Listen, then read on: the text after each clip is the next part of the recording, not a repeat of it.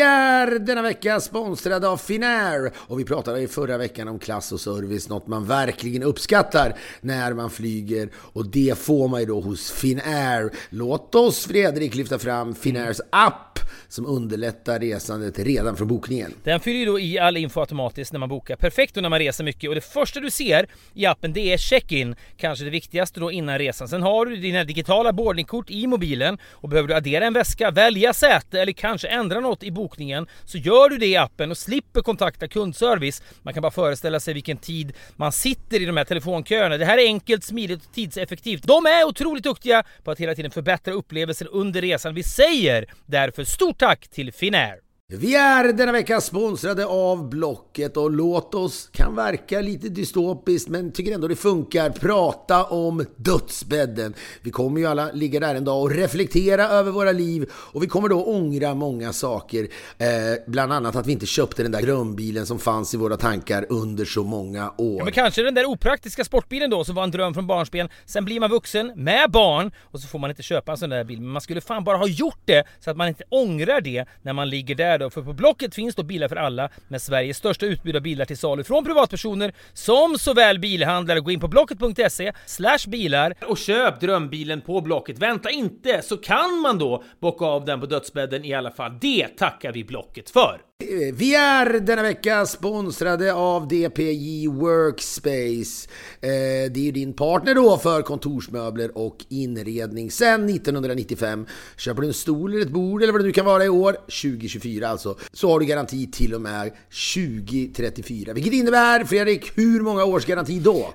Det är 10 års garanti, det är ett decennium. Kan man säga något annat än att de vet att det är hög kvalitet på sina grejer? De har otroligt mycket snygga och bra produkter. Allt ifrån snygga designstolar till belysning och loungemöbler. Alltså ett komplett utbud, helt enkelt med riktigt schyssta grejer. De ska hålla länge, det ska vara snyggt och det ska funka bra för alla typer av behov som finns. Och har man funnits sedan 1995 som DPJ har gjort så kan man sannoliken sin grej. Gå in på dpj.se och läs mer. Vi säger stort tack till DPJ Workspace. Vi har ett betalt samarbete med Syn nikotinpåsar och det här meddelandet riktar sig till dig som är över 25 år och redan använder nikotinprodukter. Syn innehåller nikotin som ett mycket beroendeframkallande ämne. Syn kommer i olika smaker, styrkor och format och nu lanserar Syn en helt ny smak inom mint. Syn Slim Cool Frost som har en tydlig smak av kylande pepparmint och mentol. En långsmal helvit prilla och enligt 90% av 366 vuxna konsumenter har den en långvarig smak. Läs mer på nikoniko.com och klicka in på syn. Glöm inte att slänga din tomma dosa i plaståtervinningen. Vi säger stort tack till syn.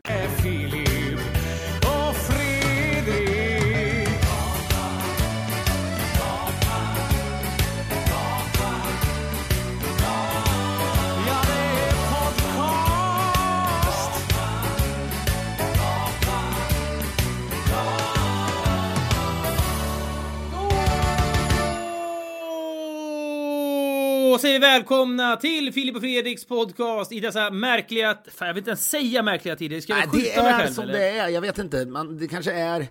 Det som är intressant är att det- du behöver ju inte påminna folk om att det är märkliga Nej, tider. men du vet, jag- Men, ja, men vissa kanske säger, men jag tänker bara så här, vissa kanske tycker det är väldigt mörka tider. När du säger, när du använder då adjektivet märkliga, så det finns en förhoppning i det. Ja, men den kanske man inte bör tappa, men samtidigt, men herregud, för kanske nio veckor sedan så konstaterade vi att man redan är trött på uttrycket i dessa märkliga tider och att det är så överanvänt och så vidare. Nu inbillar jag mig i podcasten start att det nästan var en ironisk blinkning som ingen jävel kommer att fatta och då känner jag mig bara platt istället. Det är förbannelsen över de liksom metaresonemangen som susar genom i huvudet med en blixtsnabb hastighet. Det är vad det är. Vi kanske bara släpper corona helt och hållet den här veckan. Det vore ju ganska skönt. Nej, jag tror, inte det, jag, tror, jag tror inte det går, men så länge man så länge man inte sitter här och diskuterar huruvida Sveriges strategi kommer funka eller inte så tycker jag ändå att eh, man, man kan snudda vid det. Jag tycker för övrigt, igår så såg jag någon, om det var Expressen eller om det var Aftonbladet, eller så var det båda två som då gjorde en artikel om en kille som, en, en kille som naturligtvis visste att han skulle hamna i tidningarna när han då, den här killen, då alltså gjorde en tatuering eh, föreställande Tegnells ansikte. Så pass, så, pass eh, medialt medvetna är ju folk nu, även om de inte eh, jobbar i mediebranschen så vet ju den killen att när han ska då göra en, en Tegnell tatuering, då blir det en rubrik och han hamnar i tidningen. Det är inget fel i det, för det är väl klart. Ja, men vet du vad, det är någonting med det, det är, det är inte riktigt rimligt längre. Alltså det är på något sätt, när tatueringen var sällsynta, då, det där, det där har liksom nyhetsvärdet i vad ska man säga, novelty-tatueringar har fortsatt i någon slags tangentens riktning fast det inte borde göra det. Det där kan jag köpa att det är liksom en nyhet 1993 när tatueringar är relativt sällsynta. Men det har liksom gått fram en, en, en tsunami av tatueringar, jag menar, det, av framförallt yngre människor givetvis, de, den senaste generationen. Det där är liksom inte, det är så jävla oexotiskt att den där ta- Jag tatueringen... vet, jag håller med om det, men på ett, jag, jag känner ändå att det nästan skulle kunna bli en internationell nyhet eller en internationell blänkare. Mm. Eftersom det illustrerar en kult kring en statsepidemiolog som man inte såg komma. Ja, men det är samma sorts, samma sorts internationell blänkare som när, jag minns när du och jag gjorde vårt program Boston Tea Party och jag åt en bit av min egen skinka som vi då hade, ja, vi ville väl testa kannibalism, någon slags onanistisk kannibalismverksamhet, det vill säga att jag, med, du tar en biopsiverktyg i min skinka, tar ut en liten bit kött, vi lägger ner det i stekpannan, vi hade lite balsamicovinäger eller vad fan vi nu hade och stekte det i, värmde upp det åtminstone. Jag åt den här jävla biten, det kändes jävligt märkligt när man fördes tändstickan då med den här köttbiten mot munnen. Det var som att det var någon slags kortslutning nästan, man liksom eget kött mot munnen, det gick emot alla ens liksom instinkter. Men jag åt upp den där, det var ingenting med det, det smakade lite selleri minns jag, konstigt. Men sen var det det tredje mest sedda tv-klippet i Chile året efter. Och den, det blev då en blänkare i internationell press av det. Det är samma sorts blänkare du pratar om som internationell press idag skulle kunna ägna sig åt när det gäller den här Tegnell-tatueringen. Ja, men folk suktar ju, utöver att folk suktar efter good news och, och klipp där, där man ser att coronakrisen plockar fram då, eh, ibland i alla fall, det bästa ur människan. Sen vill man också då ha, eh, tror jag, alla, liksom, alla nyhetsplattformar i hela världen vill också ha en sån här en ding-ding-värld-nyheter. Ja, men the sunny side of corona. Ja, men så alltså. Sunny är ju lite good news, men sen vill man också ha Ding Ding Värld som också är lite Mm. Sunny, men inte lika, inte lika gripande åtminstone som du vet när New Yorks eh, eh, brandmän formerar sig som ett hjärta utanför ett sjukhus. Det är någonting annat än att en svensk kille har gjort en Tegnell-tatuering, men det Ja, finns men- ändå ett, ja, men det som passar Men det är lite grann som en Sverige. 103-årig kärring som släpas ut från ett sjukhus. Hon har överlevt corona fast hon är 103 år gammal och i riskzon så det bara sjunger om det. Hon överlever. Det är ju en Solskeds sanny historia. Men det är inte det, det, är inte det du menar utan ding ding värld. Aspekten här är ju en tatuering av en Ja, men det är också rätt lätt att kontextualisera det här och det Sverige går sin egen väg. Det är inte Stefan Löfven som styr landet, utan det är en statsepidemiolog i jeans och t-shirt, eller om man har någon sån här collegetröja på sig. Nu når den här kulten nya höjder när folk börjar göra tatueringar, även om det bara är en person, givetvis. Och, men jag, jag, det, det finns någonting i det där Själva historien i sig, det håller jag med om. Det, allt har tatuerats in. Jag tror att när du och jag gjorde eh, tv-serien Breaking News, då fick väl någon människa för mig att, tatuera in Chibi Persson också. Jag tror att vi hade någon slags tes då om att Chibi och Persson, dessa då journalister, fängslade i, i Egypten va? Men vad fan! Etiopien. Skäms du inte? Etiopien. Du borde skämmas. De Skämmas. satt i 438 dagar fängslade eh, och de eh, släpptes sen och blev då eh, eh, folkkära på något märkligt udda sätt givetvis. Men vi konstaterade då att det var så svårt att komma ihåg vem som var Chibi och vad som var Persson. Han som hette Persson såg ut att heta Chibi, han som hette Chibi såg ut att heta Persson och då för att då eh, skapa någon slags Minnesregel, det- ja. Ja, och då tatuerade en kille då in detta på eh, sitt ben typ. En, en bild på Chibi där det stod Chibi under, en bild på Persson där det stod Persson under. Och det var väl åtminstone ja, 9-10 år sedan, lite piggare än detta åtminstone. Men det är någonting med tatuering, man kan aldrig riktigt lita på dem. Men du, är, är, vad heter det, jag säga, är tatueringen det nya “jag hittade en råtta i mitt Du, mjölkpaket”? jag tänkte precis säga det. Ja, jag- Till slut tröttnade ju svenskarna på det, Ja. eller om det fanns över hela världen. Det, det, man öste på med det under hela... Jag måste Ja, kanske ändå 80 och ifrågasätta 90-talet. hur vanligt det var att folk hittade råttor. Alltså råttor är ju större än mjölkpaket om de är riktigt jävla. Du, det är väl snarare så jag hittade en, eh, Ett plåster. en larv i min yoghurt. Ja, och det var ett tag vet jag att det var mycket, det här hittade jag på min burgare från McDonalds. Ja. Alldeles helt uppenbart att någon hade lagt någon. Alltså när det går inflation i det där så kommer ju konstruktionerna. Och till slut tröttnar folk på konstruktionerna. Mm. Eh, för det, det känns ju inte så galet att tatuera in Anders Tegnells ansikte. Det är ju så här, ja, det har vi sett förut. Det pikade väl möjligtvis när, när då eh, Kid Rock, nu gjorde han det aldrig, men han skulle tatuera in sin egen kuk på sin kuk, så att säga. Ja, jag tror det. Ja. En bild av sin penis på sin penis. Det var ju kreativt till tusen. Det förtjänar allt jämt en artikel. Men eh, en Tegnell-bild förtjänar kanske ingen artikel. Men det, det, jag förstår det, jag ser det ju. Och egentligen, det där är väl en artikel... Jag tror min första tanke var Mm. Ja men det där var ju väntat. Alltså det, man förstod, mm. man gick bara det och där väntade. behövde, i, i narrativet behövde det där hända. Vet du vad man skulle kunna haft? Man skulle kunna haft en klocka som tickar på båda kvällstidningarnas hemsidor. Som bara såhär, när, när ska det hända? Det hade varit det, det så här, så ja. är det. Men jag, jag hade önskat någon annan typ av Tegnell-kreativitet. Givetvis någon som är, här är människan som plastikopererar om sig till Tegnell. Då börjar vi ju snacka. Ja, då snackar vi helvete. Han gör en face-off. Ja, men det fanns väl någon ett tag som ville se ut som en leopard eller något som var lite av ett, ett, ja. ett, ett, ett, fenomen runt i världen. En kvinna, tror jag.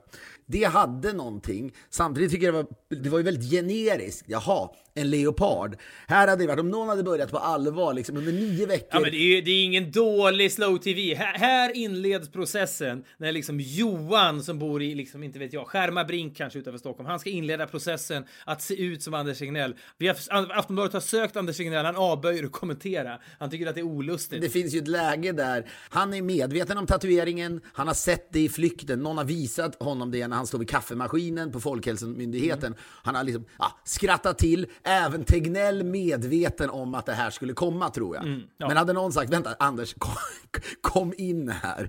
Kom in på mitt kontor en kort stund. Det finns alltså en kille i Skärmarbrink som nu har börjat plastikoperera om sig. Nej, vet du vad? Nej, han har inlett processen. Det är viktigt att säga det. Han har inlett processen att se ut som du. Jag tror faktiskt då att när Tegnell kliver in på det här podiet, ställer sig vid ståbordet och ska då redovisa antalet dödstal det senaste dygnet, prata lite om kurvan hit och dit, då tror jag ändå att tankarna skulle vara någon annanstans. Att han tänker... ja, det, någon av journalisterna säger Anders, du är lite, lite fjärran idag. Är det, är det någonting som, som tynger dig? Är det någonting som du vill berätta för oss? Nej, nej, nej, nej, nej. Vi, vi, vi fortsätter som Problemet är att han först, först säger han, kan vi stoppa honom? Sen inser han ju snabbt att han inte har några rättigheter nej. i detta, så det måste, detta får ske. Men, men, men det, alltså det är ju real. Ja. Det är ju riktig nyhet. Fred. Vi är denna vecka sponsrade av våra vänner på ATG som lanserar något helt nytt. Det här är alltså något som kallas för Hästhagen som är då ett tv-program där man då följer nyfödda föl. Mina döttrar kommer ju gå bananas av detta. Det här är ju då i linje med trenden av slow tv. Vi har sett den stora älgvandringen, vi har sett sändningen om Guldbron. Nu kommer då serien där man i realtid live följer ett gäng nyfödda, väldigt gulliga föl. Exakt, och de här eh, fölen då finns eh, på ett studio stuteri eh, som heter Skråmsta stuteri. Och med hjälp av fyra kameror från tre hagar så följer man då deras liv. Och det här är ju långsamt naturligtvis, men också härligt, oskuldsfullt, behagligt och ett skönt avbrott från den ständiga coronarapporteringen. Det här sänds då från 29 april till 17 maj. Det är ny sändning varje dag 07.30 till 16. Ni kan se detta på ATGs Youtube-kanal eller på atg.se hästhagen. Vi säger stort tack till ATG.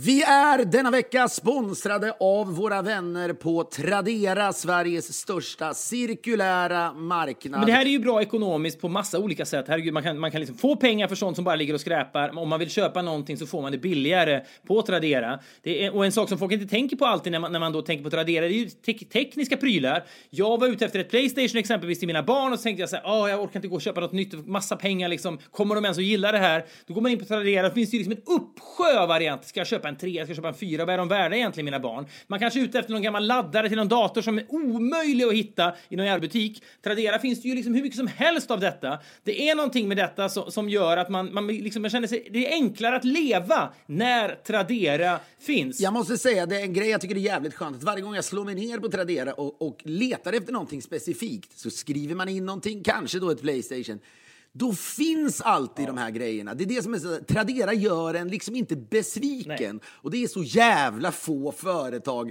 som här, erbjuder den tjänsten. En besvikelsefri tjänst. Underbart. Vi säger stort tack till Tradera.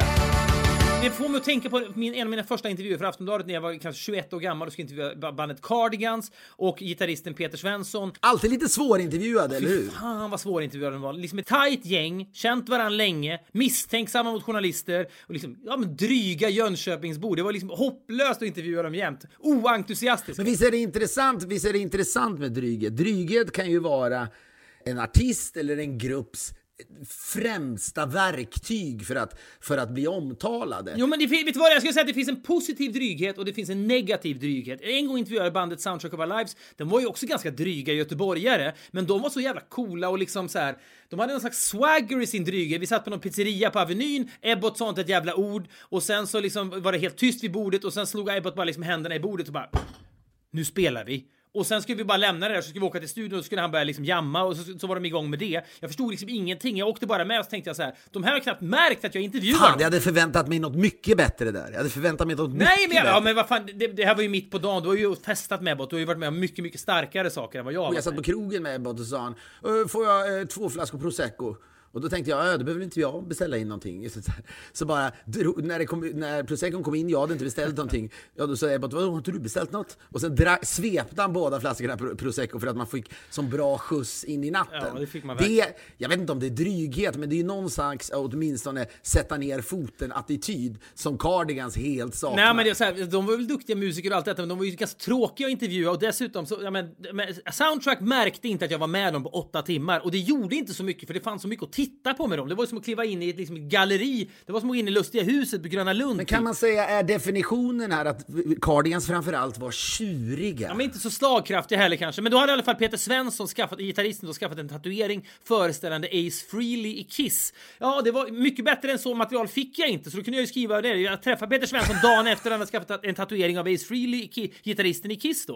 Och så tänkte jag, det är väl åtminstone något litet scoop då. På armen har Peter Svensson förevigat sin store idol och Ja, förebild. bla, Ace bla, Frehley bla. som gör, sjunger låten Down in the New York Groove och så vidare. Men tre veckor senare så är det någon som garvar åt mig rått på krogen som bara säger att det där var ju bara en, liksom en, en sån här hittepå-tatuering, en påklister-tatuering. Han, hade inte all, han bara lurar dig. Och jag kände mig så jävla förnedrad över att inte ens det var sant. Och det fick mig också att tänka på att bara, samma vecka hade jag också blivit lurad av Mauro Scocco. Jag var ju ung och grön. Jag ville inte skriva fel i tidningen. Det var ju genant som djävulen. Men då var jag på någon jävla spelning på stadion, Rolling Stones kanske. Mauro Scocco där, jag gör något vimmel då. Hej, hej Mauro, dig känner jag igen. Vem är du här med då? Och då säger jag, jag är här med min syster Maria, säger han. Och så skriver jag det. Så garvar de på redaktionen dagen efter när det här har gått i tryck. Det där är ju inte hans syster, det där är hans flickvän.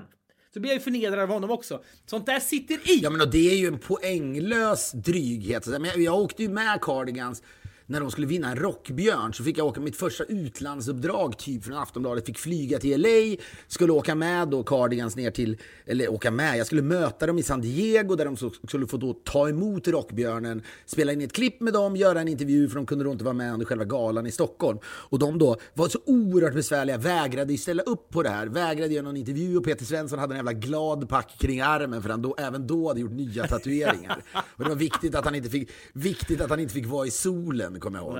Han sa det går inte så. Och kunde inte göra intervjuer, till slut var det någon av de här, de två, den trevligaste i bandet var ju någon, de som var mest anonyma, det fanns en kille som heter Lasse, det fanns en kille som heter Bengt, tror jag, som spelar trummor. Eh, och så fanns det en basist som... Hette han Bengt Lagerberg? Det heter han absolut och jag tror han heter Lasse Johansson, den trevlige. Och så fanns det den här basisten. Basisten var inte så trevlig heller. Eh, men den, den trevligaste... Ja, fast basisten var väl mer att han hade mörk energi, men han var... Han var Ja, ja, absolut. Vi behöver inte, vi, vi, vi behöver inte kategorisera alla Cardigans-medlemmar. jag tror han heter Magnus. Ja. men då till slut Ja, så... Svenneberg fall. till slut så då gick de med på att, att vi fick ställa Rockbjörnen på scenkanten när de uppträdde. Men ingenting annat överhuvudtaget. Och det var det, ja, det formade ju bilden av Cardigans. Och just när man säger ni får ett pris, ändå bryr ni er inte. Men jag tror att vad det handlar om var ju att Cardigans hade väl inspirerats av andra internationella akter och tänkt, ja, vi är också coola, men på något sätt inte studerat och brutit ner beståndsdelarna i en explosiv och medialt gångbar dryghet. För nu blev det bara, gud vad trista de är. Ja, det var hemskt. Man hade ont i magen när man skulle träffa. Ni vill inte vara här, vi vill inte vara här. Det var liksom så här. Någon gång skulle jag sitta ner med Cardigans och bara skälla ut dem efter noter. Ja, men det är lite som en, du vet, folk pratar om tidsmaskiner ibland. Vad ska man vilja göra med en tidsmaskin? Ja, man skulle vilja åka tillbaka till 1933 och skjuta Hitler. Det är väl det vanligaste svaret. Jag skulle önska nästan att god kväll kväll som alltid har den här typen av tv-program igår kväll uppe i Umeå har alltid den här drömmiddagen och då, vilka vill du sitta och äta middag med? Och, och där är klichésvaren ja, Nelson Mandela, Indira Gandhi och inte vet jag. Sen ska man alltid, för, för mixens skull, ska man alltid slänga in något, liksom, något udda. Min gamla gymnasielärare. Typ. Och sen, du, du vet, Ja, men Babsan. Men jag hade, det, det finns ju en annan sorts sån fråga att ställa om du fick en tidsmaskin, vad skulle du vilja åka då? Men då skulle lika många som väljer att sitta och äta middag igår kväll med Nelson Mandela i teorin skulle då säga jag skulle åka tillbaka till Berlin 1933 eller 23, döda Hitler. Och det var någon som skrev en härlig novell någon gång som handlade om en människa som gjorde just detta, som gick sen vilse i Berlin 1933. Men Hitler hittade tidsmaskinen och tog den till nutiden, så de bytte plats. Det tycker jag var ett kreativt upplägg. Jag kommer inte ihåg vad novellen hette, men det var åtminstone ett ganska roligt upplägg. Men när jag tänker på tidsmaskiner så är det bara för att åka till platser där man har blivit tilltvålad av en Mauro Scocco kanske, eller halvtilltvålad, men ett, ett, ett cardigan som var dryga mot en, att man kunde stått upp lite mer för sig själv. Bara så här, vad håller ni på med? Ni gör bort er här. Men alla är ju inte så jävla Ja välfunna. men vet du vad? Jag känner, ändå, jag känner ändå samtidigt att nej, jag skulle inte vilja åka tillbaka i en tidsmaskin. Jag skulle vilja boka upp ett möte med, med Cardigans nu. Det är nu. Jag skulle vilja liksom snacka mer om Ja, men vet något- du vad? Ja, man, man, skickar, man skickar ut inbjudningar så på fi, i fina kuvert och sen liksom med sån elegant perforerat papper där det står “You're cordially invited” så det är nästan lite känsla av att det är ett bröllop Man hyr, amerikanska, man hyr amerikanska ambassaden i Stockholm så att det ser ut att det är där inbjudan kommer. Man blåser på lite grann med lullullet. Det är liksom inget det- tråkigt event. Peter Svensson gör entré på eh, amerikanska ambassaden ogladpackad men alltjämt dryg. Ja, det står en marskalk i dörren och står en, slår en stav i, liksom i golvet två gånger. Dung, dung! Peter Svensson! Och så kommer han in och undrar vad, vad är det? Vad är Och det så här? massa riggade jo, Det är så kameror. Filip Hammar har samlat Ja, det. ni förstår alla varför vi är här, sitter de och tittar på. Nej, vet du vad? Det här, är, det här handlar inte om riggade kameror. Det är bara för ens egen personliga tillfredsställelses skull, för cirkelslutningen. Det här behöver inte ens filmas. Det här ska bara göras för att man ska må bra i För våra lyssnares skull, för våra lyssnares skull. Man kan i ljudupptagning då, åtminstone. Ja, åtmin- kanske. Men det är ju, det, att, att vara välfunnen mot ett drygt intervjuobjekt är väldigt, väldigt svårt. Man är liksom i underläge, man måste komma hem med någon slags artikel. Det finns ju en mytomspunnen historia, 20 år gammal tror jag att den är, på året nu, när Henrik Schyffert skulle göra Grammisgalan för TV4 och då vill Expressen göra en intervju med honom för att han ska prata ut om detta. Det är lite nytt steg för dig Schyffert. Och då blir det New York-korrespondenten Håkan Mattsson heter han va, som också skriver om bilar, som är eh, New York-korrespondent då, som då ska göra intervjun. Han möter upp Schyffert, Schyffert är inte jätteintresserad av, av att göra detta, så det första Schyffert säger till Håkan Mattsson är ja, som du förstår är jag hitkommenderad av TV4. Och då svarar bara Håkan Mattsson ja, som du förstår är jag hitkommenderad av Expressen. Det, det, det hade inte du och jag klarat av. Vi hade inte varit så snabba. Nej, nej, nej. Men det är därför man måste, man måste, man måste göra allting eh, eh, nu, så att säga. Det är nu man måste söka upp cardigans, man skickar, skickar Man den här... ska, man ska ta ett stort uppsamlingsrace sent i livet. Vad ska du, vad ska du ägna 2021 åt? Ja, jag ska, jag ska pausa karriären lite. Det har varit mycket på sistone, alla mot alla, mycket podd och sådär. Nej, det får pausas lite nu. Jag ska göra rent hus bakåt med dryga sit, intervjuobjekt. vet, när de, när de sitter där förväntansfulla inne på ambassad, eh, USAs ambassad. Peter Svensson tänker, ska jag få pris nu? Vad är det för pris jag ska Ja, men, få nu? men, men är det ett pris, då tänker jag inte ställa upp på en intervju. Men jag tar gärna emot pris. Sen ser de plötsligt i dörröppningen hur jag kommer in där. Egentligen hade jag, de kanske vet vem jag är då eftersom vi ändå haft med dem i tv och sånt där lite senare. Och så säger jag bara, lyssna nu jävligt noga och ingen av er får säga ett ord förrän jag är klar. Uppfattat? För, först och främst, ni två där borta, trummisen och keyboardisten, ni kan, ni kan gå ut och ta för er av buffén. Ni är Jag inkluderar inte er i någonting av det här. Ni tycks vara go- liksom, hyfsat bra människor. Men Nina och Peter Svensson, nu, nu, nu åker vi, vill jag bara säga. Nu åker vi. Nu ska ni få höra. Så ofattbart för Som dem. sagt, jag har alltid känt mig underläge. Jag har träffat Peter Svensson i några sammanhang sen då. Denna gitarrist i Cardigans. Han har aldrig varit otrevlig sen dess. Men jag minns bara en gång när jag står i samma kök som honom och Jocke Berg från Kent och jag är så jävla... fan, Hur fan ska jag få det här samtalet då? Liksom, de känner varandra jätteväl. Vad gör jag ens här? Vilken tur att jag har läst en bok om Prince precis nyss. Då kan jag dra lite anekdoter ur den och då blir jag kanske lite upp i varv och dra massa anekdoter. De har inte hunnit läsa den än så jag tänker kanon! Då har jag någonting att föra till bordet här. Det här blir ju toppen! Så jag babblar på. Sen får jag höra på omvägar efteråt att Peter Svensson har sagt att det måste vara, den där måste det vara något fel på. För att jag är så jävla uppe i varv. Ja, jag fick, ja, men jag fick också höra, så här, vilka, har han alla diagnoser som finns eller? Men, men du, man ska ju veta att du är ju själva definitionen av människotypen som både Jocke Berg och Peter Svensson hatar. En, en människa som också, när du känner att det inte riktigt lirar socialt, så blir du nervös och du, du liksom ångar upp dig ännu mer. Vet du vad? Jag vill gasa mig ur konversationskrisen. Ja, Och det går ju inte med dem. Det, det, du kan inte gasa dig. Nej, det går med somliga människor kan du gasa dig ur en konversationskris. Men när du står med dem, de, vill, de, de blir ju bara mer och mer trötta på dig. Vet, jag gräver min egen grav trots att jag har Prince som verktyg. Ja, men det är ett usel. Jag, kan, jag, fan, jag skäms nästan när jag tänker på det här också. Jag, eller så här, jag, jag älskar ju dig, men jag känner dig så bra. Så hade jag, hade jag fått följa det här via någon slags webbkamera, då hade jag ändå sett liksom, katastrofen komma. Hur du i realtid gräver din egen grav. På samma sätt som Aftonbladet och Expressen skulle kunna haft en nedräkning. När kommer en svensk kille att skaffa en tatuering av Tegnell så skulle du då när du ser den här webbsändningen. Här ute står Peter Svensson och Jocke Berg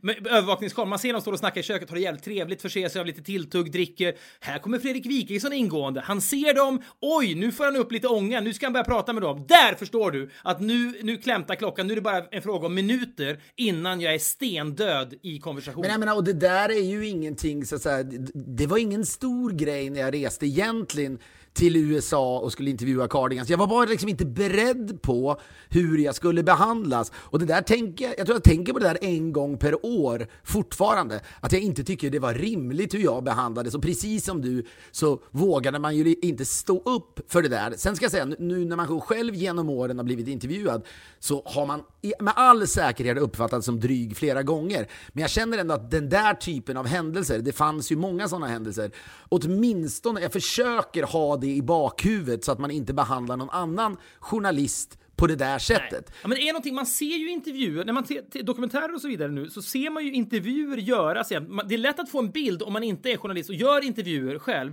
att intervjuer är som intervjuer ser ut i dokumentärserier. Jag följer dem med stor jävla behållning nu. Trodde jag inte riktigt. Dokumentärserien The Last Dance ligger på Netflix, jag tror fyra avsnitt ligger där nu. Om Michael Jordans då, framförallt sista år i Chicago Bulls. Det låter jag ha en dokumentärserie om basket, men det handlar förstås om så jävla mycket mer. Det är sällan jag drar iväg ett mess till dig och som sen leder till att du ser någonting. Det var säkert inte ens mitt som Ja, men jag blev det. helt golvad. Du vet, de är så duktiga på att berätta. Det är tre parallella tidsspår. Det är liksom Jordan som ung, det är Jordan som liksom 20-åring, det är Jordan som liksom, inte vet jag, 30-åring, hans sista säsong, hur ska det gå och så vidare. Men ändå ganska enkelt. Jag menar, det är ett ganska enkelt Ja, men det, är- det är ramverk. liksom 100% mys och karismatiska människor och starka personligheter. Men i intervjuerna så allt ser ju så trevligt ut och sitter ju folk hela tiden med, i, i sin stol och ler och garvar och berättar så man tänker så där går intervjuer till. Det där är så långt ifrån att stå nervöst och trampa med en rockbjörn framför liksom ett cardigan som har armen inlindad i glapack och så vidare. Det är också väldigt starkt för övrigt i de här liksom väldigt glada intervjuerna att Michael Jordan som det här handlar om, han gör någonting som ändå är helt unikt som man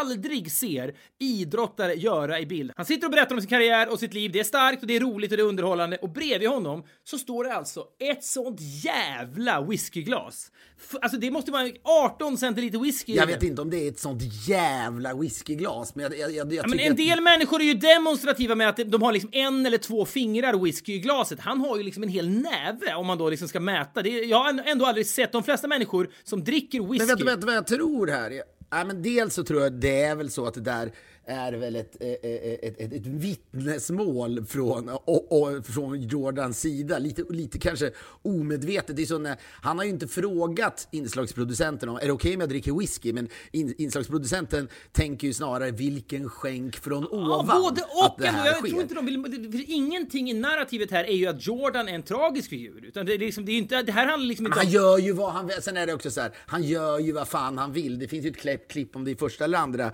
programmet när de är då, när de är i Paris och även amerika, eller liksom fransmännen själva säger att han är den coolaste människan på planeten. Och så gör han något som är så jävla enkelt och banalt och nästan pajigt. Det vill säga, han glider runt i en basker. Men ändå, han kommer liksom så totalt undan med det. Man känner ändå så här, Men vet du vad som är grejen med, grejen med whiskyglaset är att det är liksom färgst, det är nästan homestylat. Han sitter i en blå tröja, den här whiskyn är liksom så här guldig i gla- glaset, är lyxigt. Whiskyn, det är, det- den skimrar. Det är som att någon har färgsynkroniserat honom med whiskyn. Det är liksom... Men vet du, jag ska bara säga, det där, jag tror vi har pratat om det där någon gång. Om någon boxare som skulle göra sin sista fight då. Och han skulle göra det i Atlantic City och han sa åt folk att liksom, kom, kom dit, ta på er fina kläder. Alltså det skulle vara ett classy event. Och av någon anledning så tror jag just i Inom amerikansk sport så är det ju, i, i Sverige är det ju liksom så här, om nå- ett svenskt lag vinner någonting så, ja, så ska man sprayas i guld av Aftonbladet eller så ska man bara liksom hä- hälla någon jävla, liksom spruta bärs på varandra. förlåt, det är intressant. Nej, vänta. Nej, vänta, det är ändå intressant. Är du reportern som ska gå in i Djurgårdens omklädningsrum efter allsvenskan-guldet och då spraya dem i guld och de ska hålla upp en buckla och vara med liksom på bilder och sådär. Det är ju ett väldigt lätt jobb. De här fotbollsspelarna är ju supermedgörliga på detta. Din uppgift till Cardigans är egentligen samma sak. Nu har ni också fått pris. Det borde ju vara jättelätt för dig. Kan ni hålla upp den här och vara lite glada? Visst, de, de gör Säger musik... Peter Svensson, får jag spraya, får jag spraya dig i guld? Nej, men det går ju inte! Ja, visst, du kan argumentera fotboll går ut på att vinna, musik går inte ut på att vinna rockbjörnar. Men lik förbannat, det är mycket lättare att gå in i ett omklädningsrum, kanske inte om Zlatan spelar där, vad fan vet jag. Det är mycket, mycket lättare att, att knacka på dörren till omklädningsrummet och säga hej, nu ska vi fira att ni har vunnit det här, kör, än att, att träffa ett rockband. Jag vet, men det finns kulturella skillnader här. Det var de jag, jag tänkte att jag skulle kasta ljus på. Men Mm. visst, det finns ju folk som då sprayade i guld som också har en, en cigarr. Men cigarren i Sverige har, det, det kommunicerar inte samma saker som det gör i USA. Vet du vad? Det finns bara en enda känd svensk som egentligen har liksom burit upp, eller försökt kanske Får snarare. jag, får jag gissa? Ja, det är klart. Jesper Parnevik. Nej, Joe Labero Ja, men jag trodde du menade idrottare, för Jesper Parnevik... Nej, men jag, svenska kändisar överlag har väldigt, väldigt svårt att bära upp cigarrer. Det blir nästan alltid lökigt. När, menar, I den här dokumentären, eh, Dennis Rodman röker cigarrer, Michael Jordan röker cigarrer, det funkar kanon. Men när svenskar röker cigarrer, det funkar liksom inte riktigt och de inser Nej, men det var ju det jag skulle komma, det var det jag skulle komma till, nämligen jag tror att Jesper Parnevik när han hade vunnit eh, tävlingar rökte cigarr och det funkade rätt bra för att han var lika mycket amerikan som svensk på något Just sätt. det, ja. Och jag säger att ibland så finns cigarren, det är väl någon så här Aftonbladet eh, eh, liksom, reporter eller fotograf som plockar fram en cigarr, ja, skulle kunna stoppa cigarren i munnen? Ja, och hockeyspelare är ganska dumma så de gör det ju direkt så att säga. De reflekterar ju inte kring, de skulle ju aldrig få för sig att liksom intellektualisera och säga, hm, hur ser det ut när en svensk, när en svensk Vad är det här för, sign- vad är det här för signal jag skickar egentligen? Nej, hockeyspelare är inga reflekterande typer. Men det, vad jag säger när man- amerikaner eh, vinner eh, då, eh, i, liksom, det kan ju vara eh, atleter som vet, boxare som vinner, vinner solo så att säga. Men när det är då amerikanska basketlag eller så som firar så är cigarren ett väldigt, ska man säga, vanligt förekommande inslag och det ska andas lite class. För det man vet om när, sve- när amerikaner har vunnit någonting, de super ju liksom inte ner sig. Det är inte det det handlar Nej. om. Det kan ju visst vara någon liksom orgie efteråt eller vad det nu kan vara. Men det ska också, det ska också andas class och det handlar ju tror jag delvis om att många av de här har gjort en jävla klassresa. De, alltså, så vad är, det är väl det där eviga, eviga, men mitt eviga exempel och jag läste någonstans att Evander Holyfield, den här boxaren som var jävligt bra, som blev biten i örat av Mike Tyson. Det var någon, om det, jag läste en intervju om det var kanske i Rolling Stone eller något med honom, där, det, där, det, där reporten då berättade att hans, hans, hans eh, ambition med huset var att det skulle se ut som ett Four Seasons hotell. Och att det då var du vet, med, med mycket marmor och sådana där grejer. Och det är då ett bevis eventuellt på en klassresa. Helt förståeligt. Om du växer upp i, eh, i, du vet, i, eh, i, i fattigdom och sen plötsligt har du råd att ha färska blommor i en foyer som är, som är helt prydd av marmor och guld. Ja, det är, inget, det är inte konstigt. Och samma sak är det då med cigarren. Och, tror jag, lite grann även med det här whiskyglaset. För det hade han suttit och druckit ren vodka, då hade det ju varit så här, vad är det, what are you drinking Michael? Well, it's just pure vodka. Ja, men samtidigt, det skulle ju då av alla tittare tolkas som att det är ett vattenglas ju. Det som hade sett, liksom, det som hade sett udda ut är om Michael Jordan hade haft en långburk Mariestad bredvid sig. Det hade ju varit Ja, eller, eller druckit direkt ur en jägerflaska. Ja. Då hade det väl, det har ju känts jobbigt. Nu blir ju känslan lite av att man är på herrklubb med Michael Jordan. Mm. Alltså, du vet, är, han, han är väl säkert liksom medlem i alla cigarrklubbar som finns. Mm. Han har ju definitivt en humidor i alla hus han bor i. Ja. Jag tror att det där är filmat i hans hus i Florida, där han har sin, sin bas. Mm. Och sen är han väl även i Charlotte, där, där han äger något lag. Och han är väl även hemma i, eller hemma, men även i Chicago där han har bott i ma- massa, massa år. Men jag håller med dig att det där, det där är någonting att må bra av när man ser. För tanken är liksom the last dance om Ingemar Stenmark, att han skulle sitta då med, ett litet, med liksom en åtta whisky i ett glas. Nej, det är så- Ja, det hade väl även kritiserats tror jag. Det Då hade, varit det, hade, det hade typ blivit ramaskri, tyvärr. Så här, Aftonbladet, tycker du att det är rätt att Ingmar Stenmark har en åtta whisky bredvid sig i intervjun då, när han är med i intervjuserien om honom? Ja, då hade ju folk 82% nej, och sen har det varit 9% ja, och sen har det varit den här härliga liksom tårtbiten vet ej. Människor som tänker, nej, jag vet faktiskt inte vad jag tycker om den här whiskyn som står bredvid Ingmar Men sen ska man, ju veta, ska man ju veta att det är inte så att svenska idrottare inte super. För det, vi har ju vi har f- kontakter och förgreningar in i Mästarnas mästare-världen. Och där då så, så, så vittnar ju folk som jobbar med programmet om att det är ju rena rama fyllefester på Mästarnas Mästare varenda kväll. Mm. Men det, det finns inte så här i, i den officiella alltså, marknadsföringen av gamla idrottshjältar Mm. så ingår det ju inte i Sverige att man, man dricker någonting i bild. Nej men vet så du vad, det ingår heller inte alls att porträttera sig själv som att man har class, om vi nu ska använda det ordet då. Att en cigarr går ej, whisky går ej. Jag vet inte liksom, det, man står och grillar, det är väl det, är väl det eftermälet man vill ha. Man, det, det är väldigt svårt att navigera i liksom class ef- eftermälet för Men svenska är det så idrottare. att vi har ingen classkultur i Kan du Sverige? komma på en svensk idrottare som har lagt av? Visst, simmaren Bengt Baron blev VD för, liksom, för Absolut Vodka. Nej, men jag säger bara så han är ju okänd. Men det, han skulle kanske möjligtvis kunna sitta med en, liksom ett tjockt glas. Nej, nej, nej, nej, nej. Han, är ju, han känns ju som en du vet, fältbiolog Ja, och svampplockare. Ja. Det var ju snarare så här, kontrasten med hans helhylle-image och hans, Det- att han det är sen kul blev att du säger för eh, Ordet, Absolut det Vodka. helt nya ordet helhylle-image. Jag tror inte jag, jag, jag, då, det var ett misstag, det är inte så Ja. att jag tror att det var det. Men, nej, men jag tror att class... det fin- jag håller med dig, jag vet inte vem skulle vara... Vet du vem som hade lite klass? Det här orkar jag knappt nämna, men det är tennisspelaren Mikael Pernfors, vilket är ett namn för finsmakarna. Men han bodde också i Florida och körde lite cigarr och badrock på bilder. Jo, men det han är ju det är fortfarande lite klass. Men det fortfarande så här, okej, Peter Forsberg, man of the world, har vunnit allt. Han är liksom miljardär. Du vet så här, nu bor han i Schweiz eller vad det nu är. Det måste väl vara en skattegrej antar jag. Även med honom skulle han sitta med ett whiskyglas. Det skulle se liksom, om du tänker sig reklamfilmen Bill Murray gör i Lost in translation. Han sitter med ett whiskyglas, snurrar på den, luktar och säger det är smooth. Och så är det någon rasistiskt karikerad regissör då som, som Sofia Coppola kom undan med mirakulöst nog. Det är liksom supernidbild av asiater. Han kommer fram och är super liksom fånig och tycker att fel saker, han står och pratar om Rat Pack och så vidare. Det är jätte, jätte vidrigt porträtt egentligen. Men den bilden som Bill Murray då utstrålar på de här reklambilderna i Lost in translation. Här är en man i kostym, en man i sina bästa år. Han röker cigarr, han har en whisky. Det är liksom class. Det finns inte en svensk, Mats Sundin, Björn Borg för mycket misslyckade affärer. Liksom Stenmark går inte. Anja Persson, ska hon sitta med ett whiskyglas? Nej, Det, men det ska man säga, nu droppar du en kvinna för att du måste vara inkluderande tänker du. Men class Ja. är ju,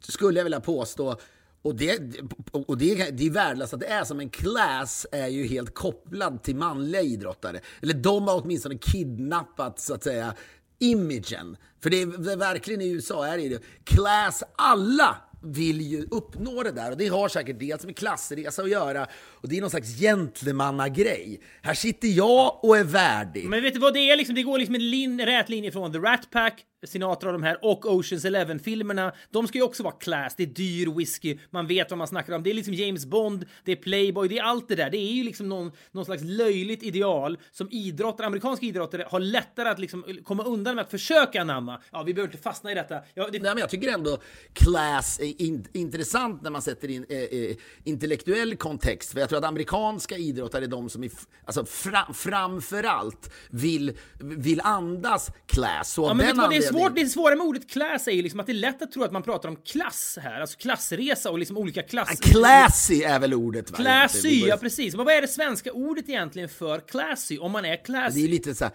en riktig gentleman någonstans. Ja, men det är inget bra... Vad hette det, vad hette det där programmet som Måns Zelmerlöw gjorde med någon... någon Chevaleresk, ja. är- Chevaleresk på TV6. Han åkte runt och liksom anta, skulle andas det här. Det funkade ju inte i Sverige för att det, liksom, det blir bara löjligt när svenskar En av, en av mediesveriges genom tidernas största gåtor. Att efter att han har en riktig framgång med Eurovision, han har liksom, han har lite korn på internationell Han framgång. har kon på en Timberlake-karriär. Ja, och då lurar, eller någon lyckas övertyga honom att han ska göra då en, en serie som heter Chevaleresk på typ kanal 9 eller någonting. Det skulle kunna skrivas böcker om detta. Ja, men det är någonting, vet, man, ska gå, man ska gå till en barberare och man ska liksom ha rätt sorts liksom bälte på sig. Det, det, det finns inget intresse, vet, det, det är någonting med det. Men han vill ju vara classy. Ja, men jag tycker ju na- naturligtvis, som man så måste jag säga att just hela den här classy-ambitionerna är något av det mest pinsamma som finns. Jag vet inte, det, är, det är någon slags, man utnämner sig själv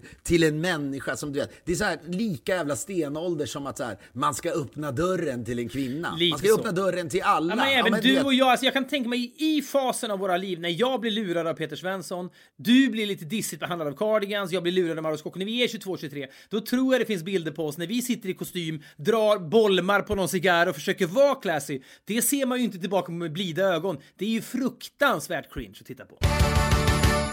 Vi är denna vecka sponsrade av våra kära vänner på Folksam. Långsiktigt sparande ska vi prata om. Vi har ju pratat om det här långsiktiga sparandet och garantibelopp hit och dit. Men hur gör man egentligen då för att komma igång och hur mycket behöver man spara? Exakt, och det kan man då gå in på folksam.se slash pensionssparande och lära sig mer. Där kan man då skriva in hur mycket man vill spara per månad, hur länge man ska spara och under hur många år man sen vill ha pensionen utbetald. Och sen kan man då se hur det ändras om man tar ut pensionen från 65 års ålder eller vid 75 års ålder och så vidare. Ja men så är det. Det, är verkligen läge just i dessa tider också. Ekonomin är orolig och så vidare. Man vet inte vad fan som kommer att hända. Men gå in på folksam.se slash pensionssparande. Två S där i mitten. Pensionssparande.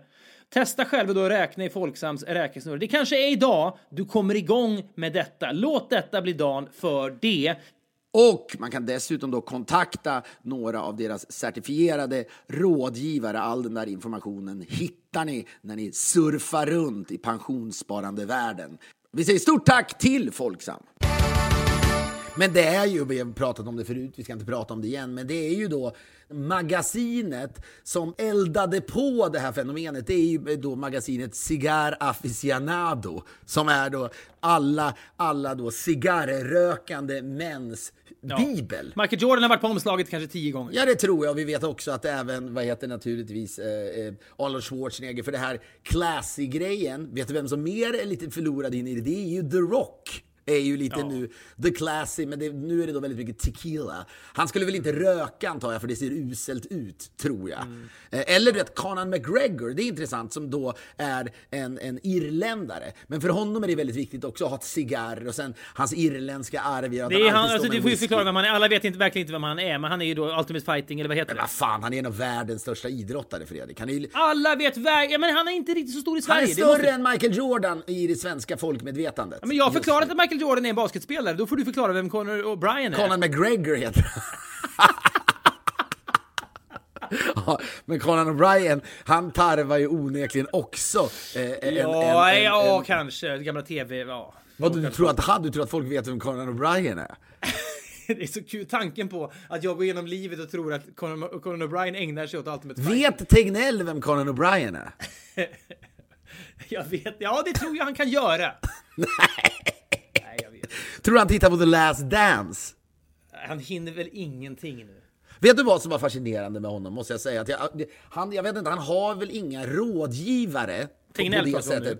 Ja, för det går väl inte att plocka in rådgivare på någon, någon slags frilansbasis, utan det måste ju vara någon då från informationsavdelningen. men vet, det skulle också vara så här, skulle det läcka ut i pressen. Här har Tegnell hemligt möte med PR-firma. Lilly Asefa. Med, Lilja Sefa Commu- Communication. Nu får han liksom dyra råd från PR-kvinnan som jobbar med Carl Philips mässingsbruk. Eller så här, Kristina Saliba, tidigare med Camilla Läckberg, tar över liksom imagebyggandet av Anders Tegnell. Det skulle bli katastrof. Här är de hemliga bilder, du vet, paparazzi-bilder utifrån då. De sitter liksom över någon, på någon krog kanske och sen spinner planer på hur han ska liksom lösa... Dominika Persinski har väl också någon Ja men vet exakt, han, han sitter med dem, börjar fundera på liksom hur han efter, så fort det här bedarrar, hur ska han kunna branscha out Ja, men då? även nu. Jag menar även nu att han måste skyddas. Och sitter på Sturehof med en stor jävla sån här skaldjursplatå. Och en cigarr och liksom en tolva whisky. Ja men det vore Killen som har tatuerat in hans ansikte åker direkt och lasrar bort tatueringen. Ja men det är som besvikelse. Ja men det som, det som Tegnell skulle kunna göra, det som Tegnell skulle kunna göra när det här är över, det är ju som hade varit kul. Det är ju om man hade lanserat en clothing line som är väldigt tråkig. Men som är helt i linje med honom. Under rubriken Sveriges tristaste kläder. Sveriges tristaste kollektion. Du vet, men om- på, på liksom Stockholms modevecka, när det nu är, om det sker nästa gång, eller på Ellegalan, så kommer det någon sån här catwalk där det går alla, alla mannekänger eller fotomodell, vad det nu är de heter, som går där och visar upp kläderna, går fram så som han går och har de här liksom tråkiga kläderna på sig. Fan vad kul det vore. Nu får han bara ha, ja det här är liksom Erika från informationsavdelningen, det är hon som tar hand om dina förfrågningar. Det är, så- det är, det, är så det ser ut. Vi får absolut inte anlita någon externt som kommer att fakturera. Inget Boston, du vet det, Boston Consulting tar över Tegnells imagebygge, skickar fakturer på sju... Men vet du så här, ingen svensk har på de senaste decennierna tror jag, jag vet inte ens när, varit i lika stort behov. Det hade liksom varit hur jävla rimligt som helst om det hade stått så här. Den Londonbaserade PR-firman, bla bla bla, har nu kopplats in för att hantera eh, Anders Tegnells varumärke samt i, liksom, trycket från media. Det hade varit Ja, helt igen, rimligt. precis, egentligen hade det varit rimligt ja, för att trycket är för en så otränad medial person som han är så hade det varit super... Greta Thunberg har väl haft samma behov. Ah, Tegnell är värre. Tegnell är värre. På ett ändå. sätt är det värre för Tegnell, därför att både han och Greta slog igenom extremt fort. Men det, med, med Greta skulle man kunna säga så här, ja, hon är så ung så att det är nästan bättre att vara ung, för då har man åtminstone inte vant sig vid vad livet är Jo, men hon riktigt. behövde ju aldrig ställa till svars, utan det var väl liksom bara idolporträtt som i princip gjordes av henne. Ja, för att det var säkert människor som ifrågasatte, man har glömt med liksom folk som... Jo, men det var inte så, jo, men det var inte så jävla, det var inte så liksom så här, Fox News ringer upp Greta Thunberg och du vet, kritiserar henne. Utan, Nej, men det, är så här, men det som är grejen med Tegnell är så här, Tegnell har liksom i 60 plus år vant sig vid att livet är på ett visst sätt och sen är det plötsligt radikalt annorlunda. Om någon hade behövt hjälp så är det ju han, men det skulle bli ramaskri om det läckte. Ja, men det, och det är det, men då skulle man ju sagt till honom, för jag reagerade häromdagen när jag såg att det, det var någon av kvällstidningarna som gjorde en så kallad rewrite, det vill säga att man, man snor från eh, eh en annan eh, tidning eller någon annan så här medial plattform där man snor då en intervju eller citat från en intervju. Men då läste jag att de hade gjort en rewrite på en, någon slags Q&A eller så här, Anders Tegnell svarar på Borås Tidnings eh, läsares frågor. Oj. Då blev jag både så här, jag blev chockad och jag blev, jag blev absolut inte upprörd, men det var då någonstans en, en, tanken eh, om att han kanske borde ha en, en riktigt rutinerad PR-människa började liksom formas i, i mitt huvud.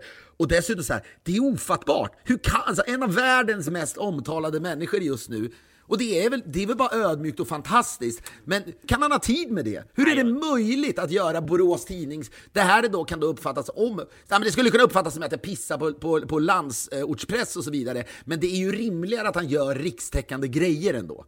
Så att så många som möjligt får ta del av Men hans han kunskaper. gör en pressträff per dag. Det hade ju varit rimligt att det är det han gör, för det är mycket i sig. Men en människa som jobbar på Borås tidning, alltså tänk när den människan då får uppdraget, kan du fixa en liten Q&A med Tegnell? Och, ja, då tänker man ju då som, som liksom lokal tidningsreporter, det kommer ju aldrig att gå. Man skickar iväg mejlet på vinst och förlust, får svar sju minuter senare, inget problem, när kör vi? Det är ju... Ja men antingen så har han ju då kanske, det har han väl lite gjort. Folk har ju skrivit om det, nå- någonstans bildat någon slags skola som, som, som är väldigt viktig för Sverige, det vill säga att mycket i Sverige och många publika figurer är ju liksom traditionellt sett rätt skyddade. Man gör så lite som möjligt, man, man, man svarar inte på alla frågor, man svarar kanske bara på frågor en gång och så vidare. Men Tegnell har ju, och och framför allt så finns det här bland annat då inom den svenska herrlandslaget i fot, fotboll. Det är det absolut bästa exemplet. Det är raka motsatsen hur, hur deras PR-strategi ser ut mot Tegnell.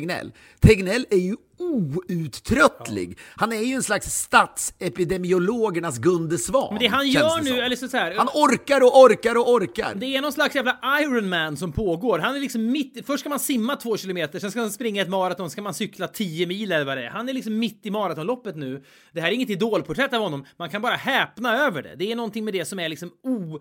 Det, det har aldrig skett tidigare. Ja, men jag läste då Joe Bidens memoarer, kan jag ha nämnt någon gång, där han då ödmjukt förklarade att det är, är man eh, då president eller vicepresident som man var eh, under Obamas tid så har man alltid eh, tillgång till en, till en läkare 24 timmar om dygnet. Det är inte så att du vet, så här, han glider ner på Åsö vårdcentral, Joe Biden, och ja, du får sitta och vänta i väntrummet. Utan det finns ju alltid tillgång till all typ av vård för honom. Men det, det är det jag tänker på. Nu snackar jag inte ens om corona, men det, det måste ju finnas en, en, något av en kollapsrisk kring Tegnell. Annars är han ju helt omänsklig, denna man. Han är ju helt omänsklig annars. Jag skulle bara säga, hur ser det ut när han kommer hem? Han måste ju bara kollapsa i soffan. Det finns, man vet ju själv. Jag, jag kan ju tycka att man själv är rätt bra ibland på att dunka på, ibland så glömmer man bort tempot, inte minst när vi spelar in så här tre, fyra program per dag av Alla mot alla. Men det, när jag sen då är klar med det och kanske du vet, när jag har varit i, i, i Sverige och spelat in och så flyger jag till USA, då är jag ju sängliggande, eller åtminstone soffliggande, i flera dagar. Och då har jag ändå bara spelat in i två veckor. Det här är ju ett, liksom ett maratonlopp med öppen sluttid. Ja, vet du vad? Det är, man ger sig ut och så säger så här, nu börjar maratonloppet och sen efter halva maratonloppet så är det någon, en funktionär som kommer in och säger by the way, det kommer att vara lite längre idag. Va? Hur långt kommer det bli då? Ja, det vet vi inte. Spring! Spring på! Vi får väl se vem som orkar längst. Det är ju det som har hänt honom egentligen. Det här kommer, jag har ingen aning om vad som... Så jag menar, på, på ett sätt är det så, antingen är det ju så att han är en sån jävla anomali så att liksom, världen har aldrig sett något sånt här. Eller så sitter vi och liksom, vi, vi, vi pratar om Folkhälsomyndighetens informationsavdelning som om den inte riktigt håller. Vi kanske ska vända på steken. Det kanske är så att Bono borde ringa Erika, eller vad Ja. hon nu heter, på Verkligen. Folkhälsomyndighetens informationsavdelning och säga kan du göra, liksom, kan du hantera press och andra, för, andra förfrågningar under vår kommande världsturné? Ja, det är kanske det som man borde tänka istället. Nyttigt! Nyttigt! Martin, Michael Jordan hyr in Erika från Folkhälsomyndigheten. Hon ska förhandla lön. Jor- Jordan är beredd att ge henne 20 miljoner dollar. Hon kräver 35 i månaden. Jordans chock. Are you kidding me? How many zeros are missing here? Is she, is she thinking 35 million dollars a month? Men det, så, det där tänker man inte. Man tänker alltid att de, så här, de skickligaste PR-strategerna sitter i, nästan aldrig uteslutande i London, eller hur? Det känns som London är Vad bäst tror på man det. för? Varför tror man alltid att svenska inhouse-lösningar på myndigheter är så jävla dåliga? De kanske är helt Så här, jävla håll med om britt- att det är inte New York heller. Det är London som är, så, Ja, vad har blivit fan? Vad har symbolen. London gjort för att förtjäna denna jävla mytomspunna plats när man då spekulerar fritt kring PR-genier? Men det kanske finns Men en känsla vad av det cynism i London. Att eh, britter cyniskt stryker förfrågningar från listorna. Men, helt, helt, helt utan dåligt Att, samvete. ja, inga har så lätt att utan dåligt samvete, tacka nej till qa förfrågningar från Borås Tidningar som londonska PR-människor. Det är liksom, det krusar inte ytan. Nej men alltså alltså, extremt korta svar. No, thank you. Det, det, är vet du, det är någonting med det engelska sinnet också. Jag, jag läste någonting nu om, om Boris Johnson har kommit tillbaka efter coronan, populärare än någonsin. Och, och, och folk skriver då om att liksom, här, allt han gör kan han liksom använda till sin fördel. Han fastnade då, när jag tror han var borgmästare i London eller vad det nu var. Han fastnade då i en jävla linbana under några spektakel. För alla andra politiker hade det typ varit slutet. Han blev typ populärare efter det för han hanterade det, det lilla fiaskot så jävla bra. Det är väl ingenting. Och så blev han populär.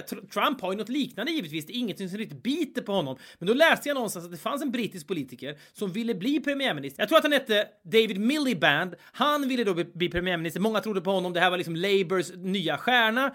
Så blir han fångad på bild när han äter en banan eller håller en banan och ser lite paj ut på en bild när han håller en banan och där är han borta. Så snabba är britterna på att bestämma sig kring vissa. Boris Johnson kommer undan med allt. En snubbe, lovande, håller i en banan på ett fel sätt, då ryker han. Det, det, det är någonting med britternas snabba, apropå det du pratade om, liksom att, att liksom popstjärnor i Sverige har liksom inte mandat och utrymme att vara dryga. Det var ju mytomspunnet när bandet Oasis kom och de vann något pris i början. Sångaren Liam Gallagher går fram och ska ta emot priset. På väg fram till pris då, liksom till podiet så går han förbi Mick Jagger som sitter där och applåderar. Då askar Liam Gallagher honom i håret bara för att visa nu är det en ny sheriff i stan. Du kan sitta där du sitter i ditt gamla russin och så vidare. Sånt kan britter göra. kan det vara så för att på allvar eh, åtminstone då långsiktigt, Boris Johnson, britterna har väl varit tveksamma till honom, men, men för att då på allvar eh, eh, då långsiktigt omfamnas av ett land så, så krävs det nästan att ens personlighet någonstans är i synk med landets folksjäl. Eh, du vet, han känns ju lite som en cyniker, Boris Johnson, och du vet, good timing man med dålig hälsa. Du har Merkel är ju liksom i Tyskland är någon slags ändå en ganska sur människa. Men hon är en person som har ett väldigt, ett väldigt städat skrivbord. Det tror jag tyskarna liksom relaterar till och, och liksom... Eh, Ja, men det är lite ord och inga visor över henne heller. Hon är så här, så här ligger det till. Hon är lite bestämd. Hon ljuger inte. Överlag så tror jag att det där, jag vet, Jacques Chirac i Frankrike, han var en, otre, eh, liksom, han var en otrogen jävel, precis som alla andra fransmän. Men att det kanske är så himla länge... Ja, och så limmar det med folksjälen. Samma sak då med Liberalernas Nyamko Sabuni nu. Ja, visst, det här kan, ju- där kan det ju vara liksom ren rasism det handlar om. Men jag tror inte det bara handlar om, om hudfärg, utan hon känns, hon känns liksom och inte av den anledningen, hennes utseende. Hon känns internationell och, och, och sofistikerad. Eh, och, och, det limmar inte heller med en svensk folksjäl. Du vet, Donald Trump, ja, han, hans personlighet är någonting som funkar med, med, med, med så, ganska många människor. Men du har rätt, det är någon slags lackmustest. Alltså, du kan titta på alla, framförallt svenska politiker som man har bäst koll på. Så här. Gustav Fridolin, inte svensk folksjäl. Mona Sahlin, inte riktigt heller svensk folksjäl. Lite mer givetvis.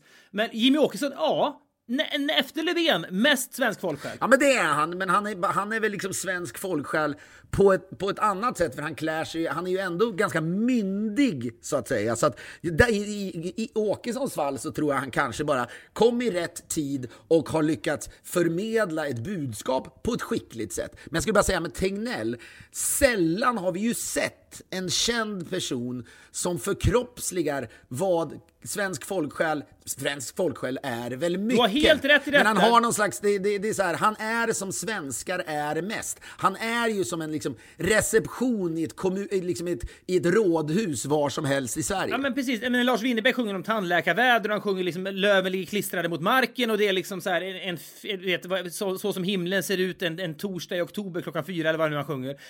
Det är liksom, han är som en Winnerbäck-låt när Winnerbäck ska skildra Sverige. Så är ju Tegnell. Winnerbäck skulle kunna skriva en låt om... Tegnell är, tan han är tandläkarväder. Ja, precis så är det. Och det, det, du har rätt i, våra popstjärnor vill vi inte riktigt ska liksom reflektera den svenska folksjälen. Winnerbäck möjligen undantagen då, för han är ju också ganska mycket folksjäl. Men så här, det är väl kul på ett sätt att våra popstjärnor är dryga och liksom annorlunda och eljest. Ola Salo är inte speciellt mycket folksjäl. Han vågade liksom sminka sig när jag bodde i Rottne. Det är väl härligt att han sticker ut. Det är det som kändisar ofta ska göra. Politiker ska utstråla folksjäl, kändisar ska nästan inte göra det för att bli spännande. Det som är unikt med Tegnell är att han kommer från ingenstans och är folksjäl. För att han är ju ganska kompromisslös, Tegnell. Det är inte så att han är medveten om detta. Men är det så, kanske när Sverige och alla andra länder, men om man då tittar på Sverige, är i behov av någon som håller i stafettpinnen, någon att luta sig mot, någon att lyssna på. Jag tycker att stafettpinnen är en lite olycklig metafor. Ja, det är, han, ska, det, han ska inte lämna över det till någon annan. Han håller snarare i dirigentpinnen, men till skillnad från svenska dirigenter så är han inte dryg när han gör ja, men dirigent, det. Är, precis, dirigent, det är roligt att han håller i dirigentpinnen, för han är inte alls kompatibel med det yrket. Men en dirigent dirigentpinne han håller i, men, men liksom svenska dirigenter är liksom bland det värsta vi har. Ja, men jag menar, och det är ju någonstans, det är ju en ren tillfällighet. Han har ju naturligtvis varit bra, han har, han har ju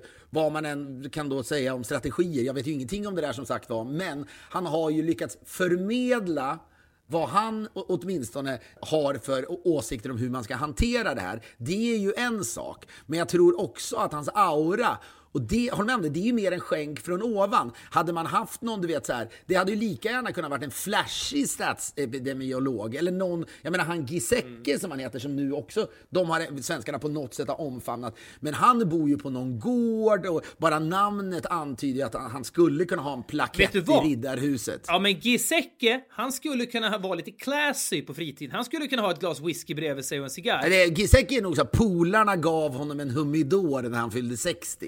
Ja, definitivt. Ja, men och det, ja, det är ju, det där är, låt oss säga, du vet någon annan som så här, någon som skulle gilla kostymer som är epidemiolog. Eller du vet, någon, någon, kvi, ja, så här, någon Ebba Busch Thor-figur som ställer upp en Chanel-väska på ståbordet och sen levererar sanningar. Som viger Margot Dietz när hon ska gifta sig som någon slags vigselförrättare. Det hade ju varit liksom... Du menar på allvar nu att du droppar Margot Dietz utan att presentera vem hon är? Jag vet inte ens vem hon men, är. Någon som Ebba Busch Thor har vigt. Jag tror nu har de skilt sig. Ja, men vem är hon? Vad gör hon? Både Ebba Busch Thor och Margot Dietz. Hon är influencer. Hon är influencer. Ja, men det så här, på så sätt tror jag att det, det, var den perfekta personen. Rätt man, kvinna vid rätt tillfälle på något sätt. Alla länders folksjäl, när den ska reflektera sin person, det är oftast det som då funkar in the long run. Vi snackar om Merkel. Boris Johnson har någonting just nu som britterna gillar. Han är rufsig, han är mm. bångstyrig. Och det har ju varit liksom, han har fått slåss för det där. Men så är det ändå. Och jag tror det överlag, att det där går, går att applicera på vilket jävla land som helst. Men det är jävligt när man tänker på det, att vilken tur, vilken tur. För det är inte så att någon innan, tänk om man skulle säga före och efter corona, man plötsligt ser bilder på en classy, du vet Tegnell. Så här såg han ut innan corona. Här är Tegnell på svensexan i Las Vegas med killgänget när han liksom besöker stans största humidor och så sitter de där liksom med belåtna leenden, läser Cigarra aficionado. Så här såg han ut på kontoret, du vet så här, innan corona. Vad i helvete? Sen var det Jenny på kansliet Erika, eller vad hon heter, jag eller. Erika. Erika stylade om honom, det är stickade tröjor, det är liksom, här är geniet bakom Tegnells ansiktsförvandling. Och det är så här, det viktiga nu är ju inte att någon PR-agentur i London försöker rebranda Tegnell efter corona så att han sitter i intervjuer. När man gör the last dance om Tegnell så får han inte sitta med ett liksom whiskyglas i handen och en stor cigarr i käften. Absolut inte. Nej. Han ska stå vid ett ståbord och så ska han ha maximalt en flaska mineralvatten. Så är det och vi tackar som vi alltid gör för att ni har lyssnat på oss återigen. Ni får gärna höra av er med tankar och frågor till podcast@podff.com. Det är jävligt kul att höra ifrån er. Vi ska också tacka alla som har kollat på Alla mot alla. Vi har haft så jävla kul när vi har gjort det. Vi hoppas att det blir en ny säsong i höst, givetvis. Missa heller inte ett glas öl som vi då sänder varje kväll 21.30 på Dplay. Eh, och det är en liten, en liten stund då egentligen som podden kan man säga, fast det då är live, det är oklippt, det är do it yourself, pixligt ibland, men det är rått och det är fan ärligt när vi pratar ut om dagen vi har haft och så vidare. Jag tror att ni kommer att gilla det om ni har missat det hittills. Dplay kan man få två veckor gratis från början. Vi tycker mycket om att göra det. Vi tycker väldigt mycket om att göra den här podcasten med er. Tio jävla år har vi ägnat åt det här. Det är så jävla det är så jävla härligt att ha den här lilla stunden en gång i veckan. Tack för att ni är med oss. Vi hörs igen om en vecka. Hej då!